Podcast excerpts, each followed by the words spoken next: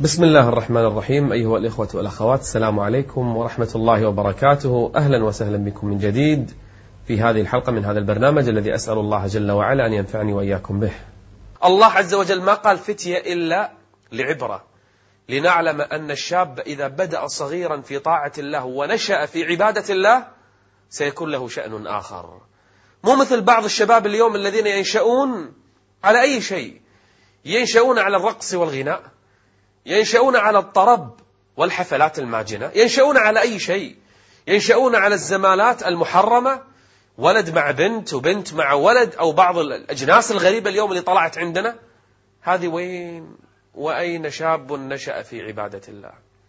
الشاب الذي نشأ في عبادة الله تلقاه عمره سبع سنين في بيوت الله جل وعلا. تلقى عمره أربع خمس سنين بدأ يتلو القرآن ويحفظ كتاب الله جل وعلا. أم توفي زوجها. امرأة توفي زوجها وكان عندها ولد صغير. ربت هذا الولد واهتمت به حتى أنها كانت تذهب معه إلى المسجد صلاة الفجر وتنتظره بعد الصلاة ليحضر مجلس العلم ومجلس الذكر تنتظره عند باب المسجد تخاف عليه.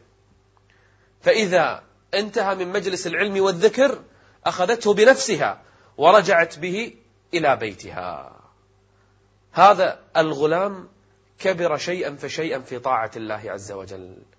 القرآن الحديث مدارسة الذكر. عند العلماء ثنى الركب. وهو قبل الحلم. ناهز الحلم وهو على هذا. بلغ وهو لا يقضي وقته إلا في الطاعة والذكر والعبادة. وإن كان من شيء يسير فيما يفعله أقرانه. من المباح فقط. نشأ هذا الشاب حتى حفظ في صدره ألف ألف حديث مليون حديث. وصار هذا من أئمة هذه الأمة. تعرفون من هو؟ إنه الإمام أحمد بن حنبل إمام أهل السنة والجماعة. ذلك الرجل الذي جلد جلدا على كلمة يضل بها الناس لكنه لم يقلها. آثر الموت على أن يقولها. ليش؟ لأنه كان شابا نشأ في عبادة الله. ما تربى الإمام أحمد على أفلام في بعض القنوات الهابطة. ما تربى أولئك العلماء وأولئك أبطال الأمة ما تربوا على بعض التفاهات والسخافات اليوم اللي يقضي فيها أبناؤنا أوقاتهم. إنهم فتية آمنوا بربهم. إنهم فتية آمنوا بربهم وزدناهم هدى. سمعتم بأسامة ابن زيد أحد أصحاب النبي صلى الله عليه وآله وسلم كان يحبه النبي حبا جما.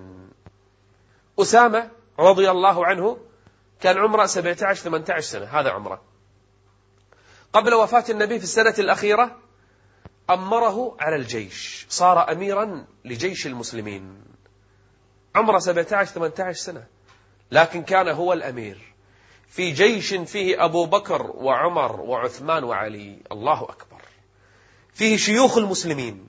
فيه أكابر المؤمنين. ومع هذا قائدهم. وأميرهم ذلك الفتى الصغير. إنهم فتية آمنوا بربهم إنهم فتية آمنوا بربهم وزدناهم هدى. الله عز وجل زادهم هدى لأنهم تربوا على طاعة الله جل وعلا.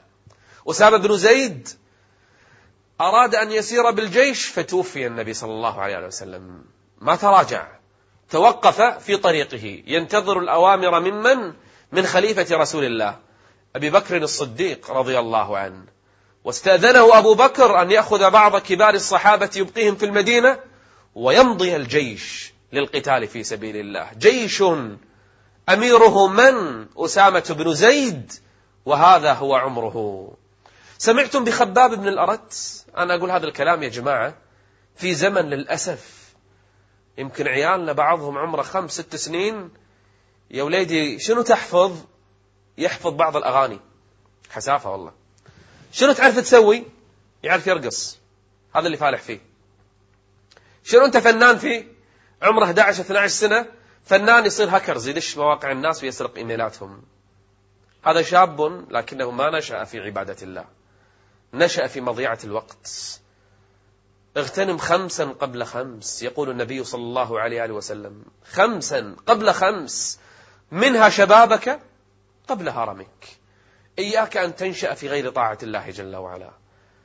لن تزول قدم عبد. اسمع لي هذا الحديث أيضا. لن تزول قدم عبد يوم القيامة. حتى يسأل عن أربع منها عن عمره فيما أفناه وعن شبابه فيما أبلاه. شبابك. الله سبحانه وتعالى سوف يسألك عنه سؤالا دقيقا. لا تظن الأمر سوف يذهب هدرا ويذهب هكذا. خلاص أنا أعيش حالي حال الناس. لا يا أخي الحبيب. سيسألك الله وسيسألك الله عز وجل أيضا أيتها الفتاة. تظنين السالفة وناسة أدش على المسنجر وأكلم من أبي. وأحط صورتي على كيفي. ويصورني الناس وينشرون صوري في الإنترنت الأمر عادي. عادي يمكن بالدنيا.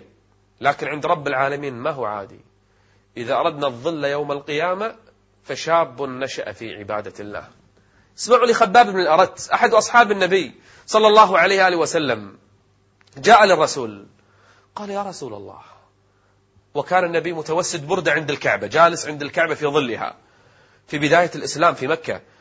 فجاء خباب متألم متعذب قال يا رسول الله ألا تدعو لنا؟ ألا تستنصر لنا؟ شنو صار في خباب؟ خباب رضي الله عنه كان توضع له الجمر الجمر الأحمر. شفت الجمر الحار؟ يشتعل نار وكانت تنزع ملابسه من رداءه ويوضع ظهره على هذا الجمر. الظهر. يوضع على الجمر يسيل ودك ظهره شحم ظهره فيطفئ شحم ظهره الجمر.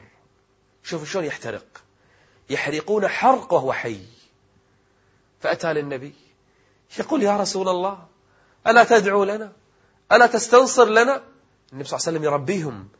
فغضب النبي عليه. يعني يا خباب كأنك استعجلت. غضب النبي عليه.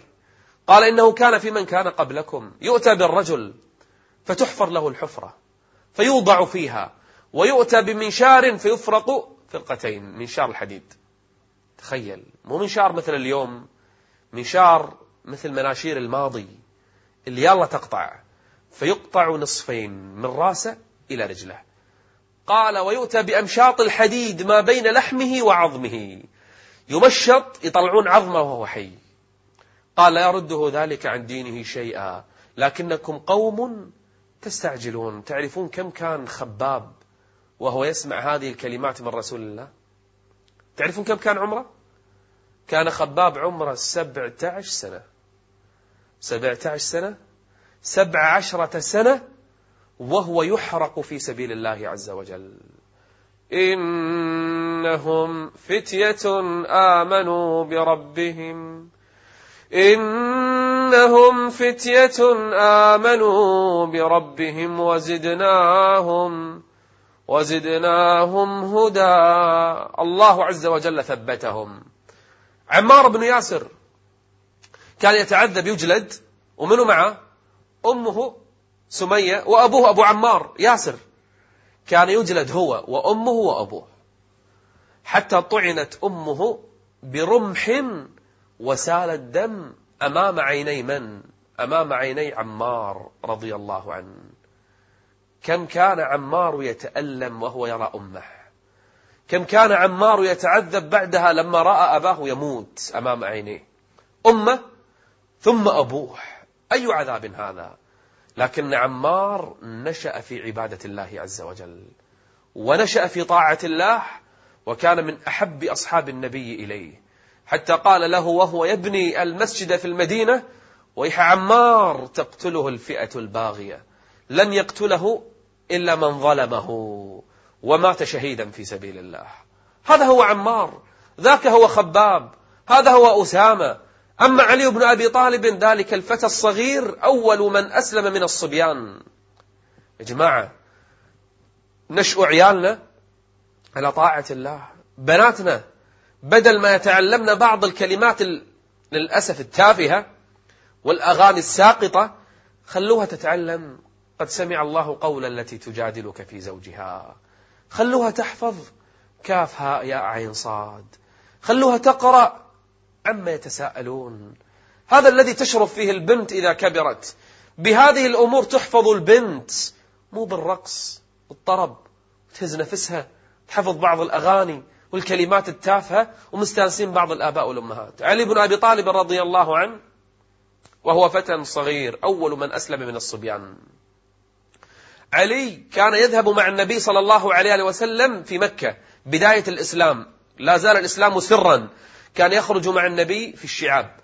والوديان يصلي مع رسول الله لوحده. حتى اكتشف الأمر من؟ أبوه. من؟ أبو طالب. اكتشف أن ابنه يصلي مع النبي. ما منعه. ما, ما عرضه. بل لما رأى إصرار ذلك الفتى الصغير على الصلاة مع رسول الله تركه. تركه وشأنه بل شجعه على هذا. وإن كان لم يؤمن أبوه. علي بن أبي طالب الذي تربى في كنف النبوة آثر أن يضحي بنفسه في فراشه. فراش من؟ فراش النبوة. في هجرة النبي إلى المدينة آثر علي بن أبي طالب رضي الله عنه أن يضحي بنفسه وأن ينام في فراش النبي فلأقتل في سبيل الله. ولا يصيبونك ولا يصيبنك شيء يا رسول الله. لكن النبي طمأنه قال نم في فراشي ولن يضرك شيء بإذن الله جل وعلا. سبعة يظلهم الله في ظله يوم لا ظل إلا ظله. شاب نشأ في عبادة الله. أحد السبعة. كن منهم يا عبد الله. كوني منهم يا أمة الله. أحد الإخوة يذكر له قصة وهو في طريقه في أحد الشوارع الخليجية. يقول رأيت حادث سيارة ولم يكن عندها أحد. أسرعت إليها وجدت شابا ينزف. يقول حملناه في سيارتنا لنسرع به إلى المستشفى. أنا وصاحبي. يقول في الطريق ونحن مسرعين إلى المستشفى. سمعنا هذا الشاب الذي ينزف سمعناه يتمتم يتكلم. نظرنا إليه ماذا يقول؟ يقول نظرنا فإذا به يقرأ القرآن بصوت حسن. الله أكبر. وهو ينزف وربما عظامه تهشمت وربما لم يبقى من حياته إلا القليل ربما الألم يقطعه. ويؤذيه ومع هذا يرتل كتاب الله جل وعلا. يقول تعجبنا من أمره. نحن نقود السيارة ونهدئه ونطمئنه وهو الذي يقرأ القرآن ويطمئننا. يقول يقرأ بصوت حسن يرتل. يقول ونحن في الطريق تدمع أعيننا. لكن قبل أن نصل إلى المستشفى سكت. يقول فلما أوصلناه فإذا هو قد فارق هذه الدنيا. يقول بكينا عليه. بكى كل من في المستشفى عليه لأنهم علموا بقصته. كان يقرأ القرآن فترة من الزمن قبل أن يحتضر ويموت ويرتله بصوت حسن. يقول أبيت أن أرجع من المستشفى إلا بعد أن يأتي أهله وأعرف أين سيصلى عليه ومتى. أريد الصلاة على هذا الشاب. يقول عرفت. صليت عليه لما صلوا. يقول عرفت مكان العزاء. جئت وعزي أهله. لأنني عجبت من أمر هذا الشاب. بصوت حسن يغادر الدنيا. يقول فلما جئت إلى أهله وجلست معهم في العزاء حدثتهم بقصته سألتهم عن حال هذا الشاب. ما صنع في هذه الدنيا؟ ولماذا ختمت له بهذه الخاتمة الحسنة؟ يقول قالوا لي أن هذا الشاب نشأ في طاعة الله منذ صغره في المسجد وبيت الله جل وعلا. بل إنه كان كل اثنين يذهب إلى جدته في قرية أخرى يزورها كل اثنين. وكان يجمع الطعام والمؤونة والتموين من أهل قريتنا ويذهب بها إلى بعض القرى الفقيرة ليوزع عليهم الطعام كل بضعة أيام. وكان يكثر من صوم الاثنين والخميس والأيام البيض. وكان لا يترك قيام الليل ليلة أبدا. وكان يحسن إلى الناس. وكان عند بعض الأيتام والأرامل والفقراء يحرص على أن يوصل إليهم طعامهم ومؤونتهم كل يوم وكل بضعة أيام. شاب نشأ في عبادة الله. كيف ختم الله له حياته؟ إن الذين قالوا ربنا الله إن الذين قالوا ربنا الله ثم استقاموا تتنزل عليهم الملائكة ألا تخافوا ولا تحزنوا وأبشروا بالجنة التي كنتم توعدون الشاب الذي نشأ في عبادة الله نشأ في طاعة الله لن يتركه الله عز وجل. تذكر يا عبد الله كيف قضيت شبابك؟ هل قضيته في حلقات القرآن؟ هل قضيت طفولتك وبداية حياتك ومراهقتك مع الصحبة الصالحة؟ هل كنت تتسابق على الصف الأول؟ هل كنت تصوم مع إخوانك وأصحابك فتفطر معهم؟ هل كنت تتسابق معهم في حفظ البقرة وآل عمران؟ أم أن شبابك ضاع في بعض الملاهي الليلية؟ والنوادي الحمراء وبعض الذنوب والمنكرات. أحد الصالحين قاد جيوشا إسلامية بأكملها. فتح السند وفتح الهند وفتح شرق بلاد المسلمين. فتح الفتوحات ونشر الإسلام في مشارق الأرض ومغاربها. من هو؟ اسمه محمد بن القاسم ابن محمد. تعرفون كم كان عمره وهو يقود هذه الجيوش؟ كان عمره سبع عشرة سنة. سبع عشرة سنة. إن السماحة والمروءة والندى لمحمد بن قاسم بن محمد قاد الجيوش لسبع عشرة حجة. يا قرب ذلك سؤددا من مولدي. رجلا بهذا العمر. شاب تخيلوا اليوم يا اخوان يا أخوات. فكروا اليوم عمره 17 سنة. يتسكع بالأسواق شو يسوي؟ اليوم عمره 17 سنة. يبحث له عن فتاة يركب معها الجتسكي ولا بعض الدراجات النارية يفتخر فيها مع الشباب إن أنا عندي فتاة ولا عندي عيب. عيب أن نضيع شبابنا في هذه التفاهات. والله عيب أن نضيع أعمارنا في هذه القضايا. شاب نشأ في عبادة الله وقت من المسجد إلى والديه وبيته إلى دراسته إلى صحبته الصالحة إلى كل حياته في طاعة الله جل وعلا. قبض الله عز وجل روحه. تعرفون متى؟ وهو يصلي الفجر في جماعة في يوم الجمعة أفضل يوم يوم الجمعة وأفضل صلاة الفجر أفضل صلاة في الأسبوع الفجر يوم الجمعة. كان يصلي جماعة صلى السنة قرأ القرآن دعا الله كبر مع الإمام تكبيرة الإحرام دخل مع الإمام صلاة الجمعة وكان فيها السجدة.